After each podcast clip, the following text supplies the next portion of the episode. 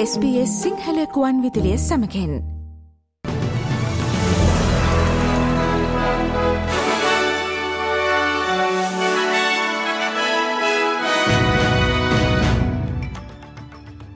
අද පෙබරවාරි මස විසිවනදා SBS සිංහල පුවත් ගෙනන මම කවින්ඩයා උමයංගනී චන්ද්‍ර සෝම. ඕස්ට්‍රේලියාවේ වික්ටෝරයා ප්‍රාන්තයෙන් විශාල විදුලි බලබිඳ වැටීමක් වාර්තාවේ. මෙය ඉතිහාසය තුළ වාර්තා වූ විශාලතම විදුලි බලබිඳ වැටීම්වලින් එකක් බව බලධාරීන් පවසයි. මේ හේතුවෙන් සැපයුම් පද්ධතියේ දෝෂ පිළිබඳ පරීක්ෂණයක් පැවැත්වීමට කටයුතු යොදා ඇත. පසුගිය සතිය තුළ සිදු වූ සුලිගුණාටු තත්ත්වයන් හේතුවෙන් නිවාස සහ ව්‍යාපාර පන් ලක්ෂ තිස්දහසකට ආසන්න ප්‍රමාණයකට විදුලි සැපයුම ඇන සිටින ලදී. පාරිභෝගිකයන්ගෙන් ඇතැම් පිරිස් හට පැය විසිහතරක් තුළදී නැවත සැපයුම ලැබුණද ඇතැම් පිරිස් හට දිනගරනාවක් අඳුරේ ගත කරන්නට විය. ප්‍රාන්තරජය වෙත දීර්ඝ කාලයක් මුළුල්ලේ සිදු කළ විදුලි බිඳ වැටීමේ අනතුරු ඇඟවීම් නොසලකා හැරීම හේතුවෙන් මෙම තත්ත්වය ඇති වූ බව ප්‍රාන්ත විපක්ෂනායකවරයා චෝදනා කරයි. පසුගිය සතියේ බටහිර ඕස්ට්‍රේලියාවේ බීගල් බේ ප්‍රදේශයට පුද්ගලයන් තිස් නව දෙනෙක් රැගත් අනවසර බෝට්ටුවක් ළඟා විය. ඕස්ට්‍රේලියාවට බෝට්ටු හරහා අනවසරයෙන් පිරිස් ඇතුල්වීම බොහෝ විට නොවැලැක්විය හැකි සිදුවීමක් බව හිටපු ආගමන හා විගමන උපලේකම් අබුල් රිස්වි පවසයි. මෙවැනි කාරණා පිළිබඳ විවාද කිරීමේදී තව තවත් මේ ආකාරයට අනවසරයෙන් පිරිස් ඇතුළුවීමට පෙළඹිය හැකි නිසා ඒ සම්බන්ධයෙන් වඩාත් සැලකිලිමත් වන ලෙස රිස්වී දේශපාලනඥයන්ට අනතුරු අඟවයි. ඔහු තවදුරටත් කියා සිටියේ බටහිර ඔස්ට්‍රේලියාවේ පිහිටි වෙරලතීරය ඉතා විශාල එකක් බව සහ මසුන් නැල්ලීම සඳහා එන අධික සංඛ්‍යාවක් වන ඉන්දුනීසියානු බෝට්ටු අනවසර බෝට්ටුවලට බෙහෙවින් සමාන බවයි. නාවික හමුදාව කෙතරම් කාර්යක්ෂම වුවත් මෙවැනි බෝට්ටු එකක් හෝ කිහිපයක් ඔවුනට මගහැරීම සාමාන්‍ය තත්ත්වයක් බවද ඔහු අවධාරණය කරයි. I think we've got to remember we've got a very, very big coastline along the west. The sea between Australia and Indonesia is huge. The number of fishing boats that look almost identical to an asylum seeker boats is huge. The chances of a boat being missed is always there despite uh, the efficiency of our Navy. One or two boats will get through. That, that's just almost inevitable. And I think we just need to accept that rather than getting into this hysterical panic.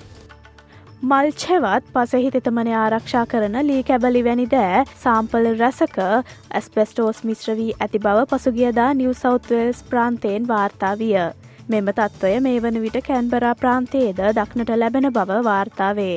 මේ ලෙස ඇස්බෙස්ටෝස් මිශ්‍ර මල්ච් මාස නමයකට අධික කාලයක් මුළුල්ලේ අලවිකර ඇති බවට සැක පල කරයි.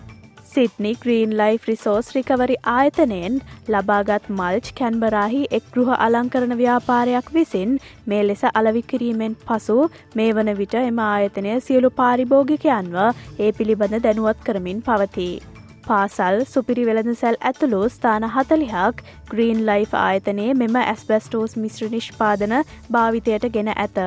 කැන්බරාහි ව්‍යාපාර ආයතන විසිහතරක් සහ අනෙකුත් ලිපිනයන් විසිහත්තකට අදාළ පිරිස් මෙම කැන්බරා ආයතනයෙන් පසුගිය වසරේ මාර්තු සහ නොවම්බර් මස තුළ මෙම මල්ච් මිලදීගෙන ඇත.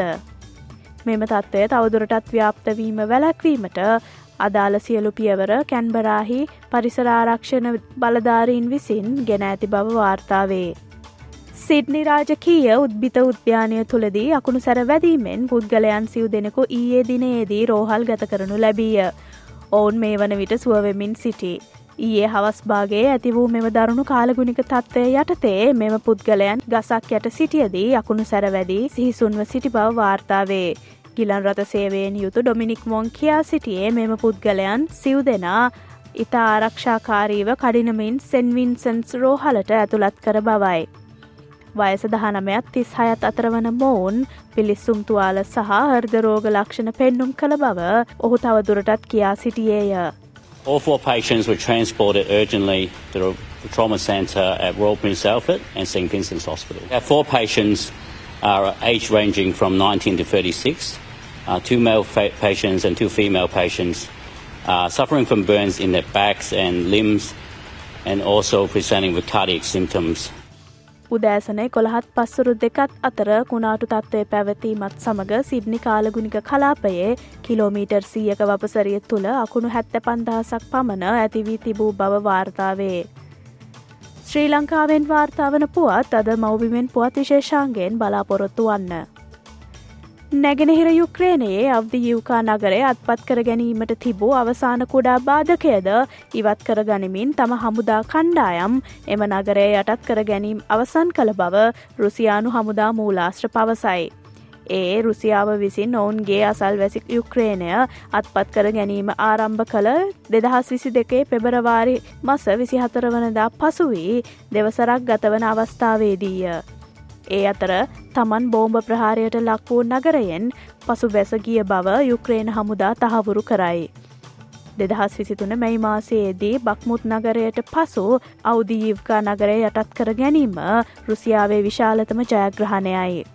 ශ්‍රී ලංකාව සහ ඇෆ්ගනිස්ථානය අතර ඒ පැවති දෙවන විස්සයි විස්ස තරගය ශ්‍රී ලංකාව ජය ගැනීමත් සමඟ විස්සයි විස්ස තරංගාවලියේ ජය ශ්‍රී ලංකාව සතුවිය. ඒ අනුව ඊයේ තරගයෙන් ලකුණු හැත්තැත් දෙකක ජයක් ශ්‍රී ලංකා කණ්ඩායම හිමිකරගත්තේය.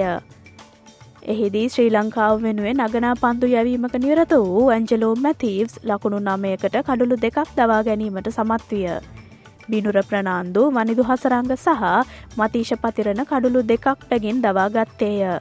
මෙහිදී වනිදු හසරංග තරඟ හැටතුනකට ක්‍රීඩා කරමින් තමන්ගේ සියවැනි කඩුල්ල දවා ගැනීම විශේෂත්වයකි.